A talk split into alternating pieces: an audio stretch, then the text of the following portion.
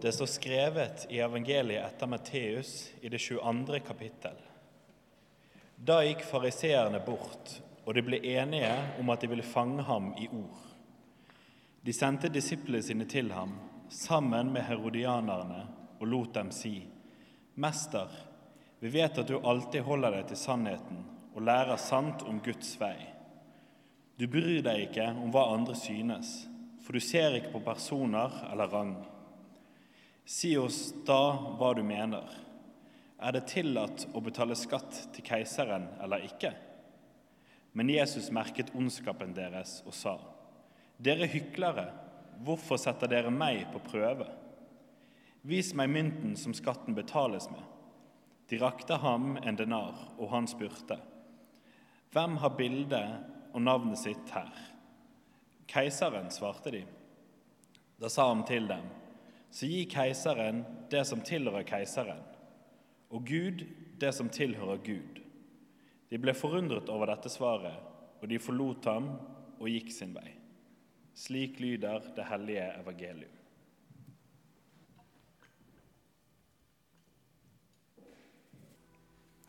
Jeg kom på at jeg kan jo si at Hvis noen ikke kjenner meg, så heter jeg Øyvind Rudolf. og jeg er prest her i St. Jakob. Og Nå skal jeg dele noen refleksjoner rundt den teksten vi hørte nettopp før denne vakre salmen. Um, og For å forstå den teksten så er det ett spørsmål som særlig blir fremtredende. Og Da, da må jeg spørre dere rett og slett hvor, hvor mye tenker du på Romerriket? Eller How much do you think about the Roman Empire? For de som ikke henger helt med på hvorfor folk liksom småler litt av det, det har vært en trend på sosiale medier hvor eh, gjerne eh, en jente spør liksom, kjæresten sin eller en eller annen gutt sånn ja, hvor mye tenker du på Romerike. Og så viser det seg at de gutta tenker mye på Romerike. Altså. Og jentene, mer sjokkerende, syns jeg egentlig, de tenker aldri på Romerike! og så har dette blitt en svær greie og eh, ja, veldig, veldig fascinerende. Um, jeg som sikkert mange av dere kan tippe, jeg tenker ganske mye på Romerriket. Uh, selvfølgelig. Det er kjempefascinerende. Uh, og Jeg skal ikke gå inn i liksom alt grunnen til hvorfor jeg gjør det, men jeg har lyst til å si en positiv ting med det er at det hjelper en faktisk å forstå noen nøkkeltekster uh, i Bibelen. og det er nyttig i dag, fordi hvis man vet Man må vite at jødene, Israel og Palestina, var okkupert av romerne på den tida. Og eh, jødene måtte betale skatt eh, til eh, disse romerne. Og skatt til keiseren det var en litt sånn touchy greie. For jødene fikk lov til å gjøre, holde på med sin kultur og sin tro innenfor Romerriket. Men de måtte betale denne skatten. Og den skatten var til keiseren. Og jødene i deres tro så har de liksom én hovedgreie, og det er det finnes kun én Gud. Det er bare én som fortjener tilbedelse. Og Disse keiserne hadde utfordra det litt. De gikk rundt og Jeg styrer jo store deler av verden. Jeg kunne jo nesten si at jeg er litt sånn guddommelig. nesten. Så de påberopte seg en slags sånn guddommelig status, og det begynte å danne seg keiserkulter og alt mulig. Og Derfor, eh, ja, på mynten på Jesus sin tid, så står det faktisk eh, Tiberius Augustus, keiser, sønn av den guddommelige Augustus. Så for jødene som var veldig skeptiske til å tillate noen bilder av mennesker i frykt for å tilbe noe annet enn Gud, for de så blir dette å betale skatt til denne keiseren, som kaller seg Guds sønn, det er en ganske stor kamel å svelge. Um, og så må jeg bare legge til det, Den neste biten her det er en liksom godbit til meg. Det er ikke så ofte man får muligheten til å snakke om um, noen av disse skikkelig bad guysa uh, på Jesus sin tid. Men hvis dere legger merke til i dagens tekst så står det at Jesus, uh, at fariseerne og herodianerne kommer til Jesus. Herodianerne. Hvem er det? Jo, det var en gjeng som var fan av De var på en måte en sånn eh, støttegruppe til Herodes-slekten. Herodes-slekten var jøder som hadde fått ansvar av romerne for å være fyrste over et område. Og så hadde de blitt veldig, veldig mektige. Uh, og Jeg må bare si litt om de, fordi nå har jeg muligheten. fordi det står i teksten. Uh, F.eks. Herodes den store. da. Herodes den store, Dere har hørt om han så vidt, kanskje. i juleevangeliet eller det som følger.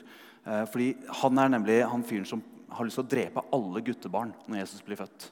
Så at det ikke skal komme noen ny konge og liksom ta over. Um, så dere hørt om han, Men han, han gjorde så mye mer. Altså dette her uh, Jeg sier det litt med sånn smil om munnen, men det er fordi det er så absurd. Han er på en måte tidenes verste bad guy. Uh, han hadde en sånn greie med at han hadde slått overalt. Uh, sånne greier. Og så der han hadde lyst til å ha favorittretten sin, som var liksom fisk fra det havet og liksom en sitron derfra og en tomat fra liksom Italia. Så det gikk kameler på kryss og tvers hele tida med liksom ferske ingredienser. Det er jo en grei ting. Men han hadde også lyst på et eget, sånn, en ekstra plass, da, hvis vi får opp det bildet, eh, hvor han kunne bli begrava. Hans store liksom, eh, slott, eh, som han kalte Herodion. Før han begynte å bygge det, så bygde han et 300 meter høyt fjell. Det fjellet der. Og så bygde han det, det liksom, eh, den festninga oppå der. Og eh, En sånn historiker driver og ser på det. og han, det, det, kan virke som at Grunnen til at Herodes store gjorde dette, her, var at hvis du sto veldig langt unna, så så dette ut som en av Herodes sine favoritting, nemlig en pupp. Ikke sant? Så da har du på en måte dette her, og så blir på en måte festninga på toppen nippel. Altså, det er en sånn maktmisbruk som er helt vanvittig. Den dagen han skulle dø, så beordra han at de, ti, nei, de tusen mest populære menneskene skulle drepes, sånn at folk skulle sørge den dagen han døde. Altså, Det er bare helt ekstremt. Det er en makt som vi ikke kan forestille oss. Og det er et maktmisbruk som er bare beyond. Tidenes mest gjennomførte despot drittsekk. Dere skjønner hva jeg mener? Altså, Det er så vilt. Så når Jesus får dette spørsmålet av herodianerne og fariseerne, så kan dere bare merke dere disse skyggene av disse mektige, fæle mennene som ligger bak. Fariseerne og herodianerne spør skal vi egentlig betale skatt til keiseren. Og Jesus hører dette vel vitende om at hvis han svarer ja, så kommer han til å bli sett på som at han bøyer kne for keiseren og svikter det jødiske budet. Og hvis han sier nei, så blir han ganske sikkert arrestert kanskje drept. Og Det er da han svarer med dette spørsmålet som alle kan svare på. Hvem er det bilde av på denne mynten?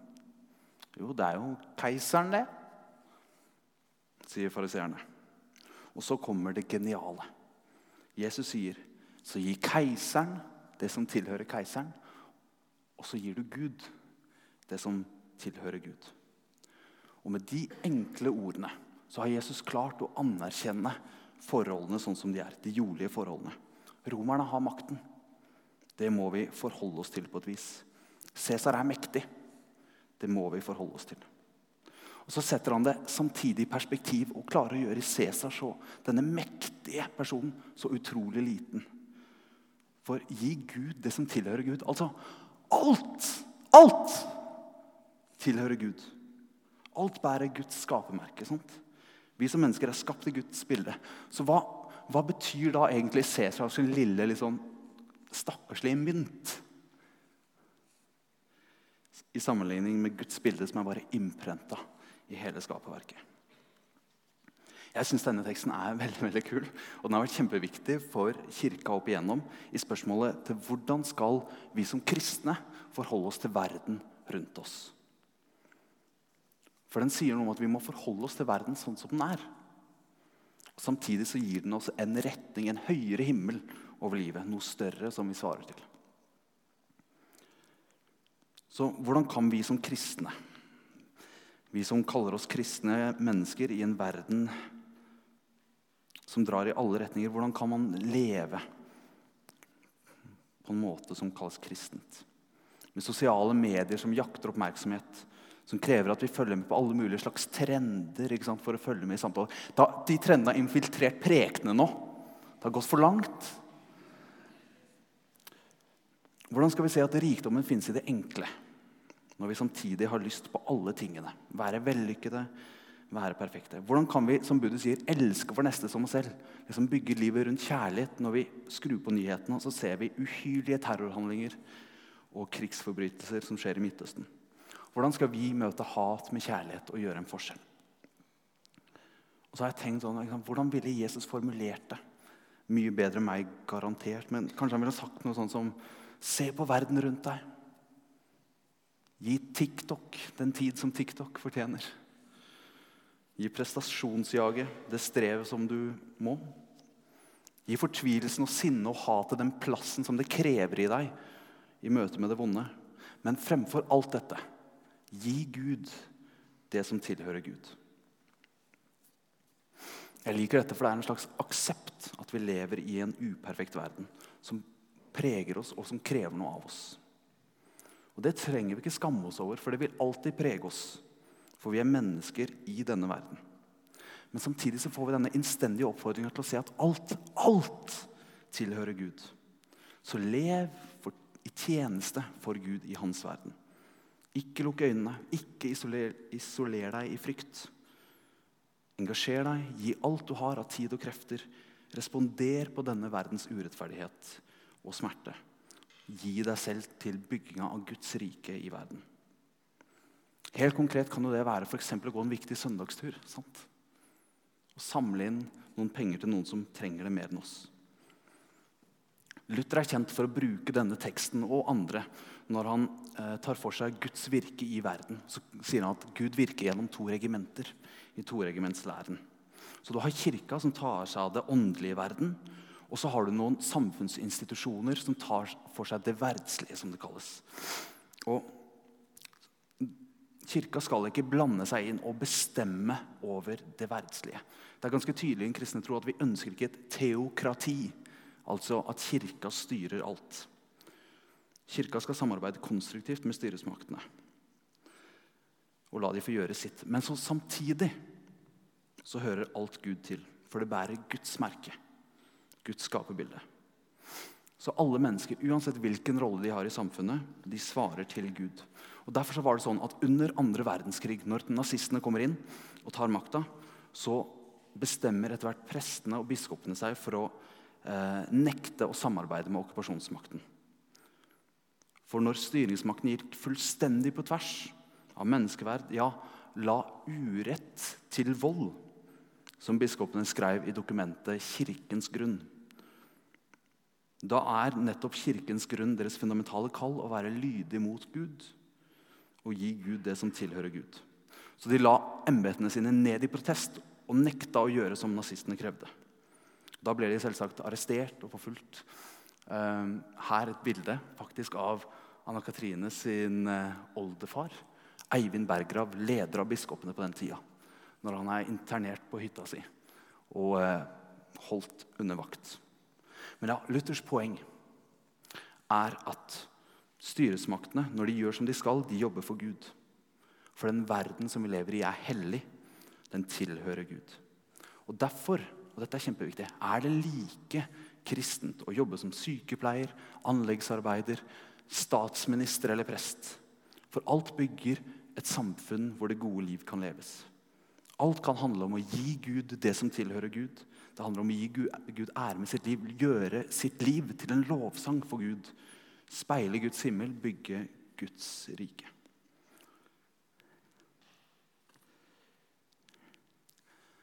Fine, sånn flotte kristne ord på slutten her. Veldig sånn flott. Men så er det det at verden er ikke så lett. sant?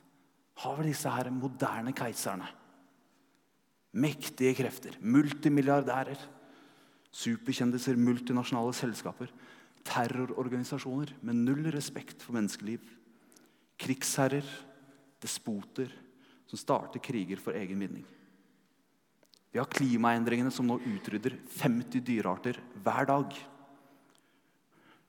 Og så kanskje den tristeste statistikken av alle akkurat nå, at i Gaza så er det noe sånn at ett barn drepes hvert kvarter. Hva er kristne ord verdt? Sånne fine, fancy ord kan oppleves utrolig håpløst.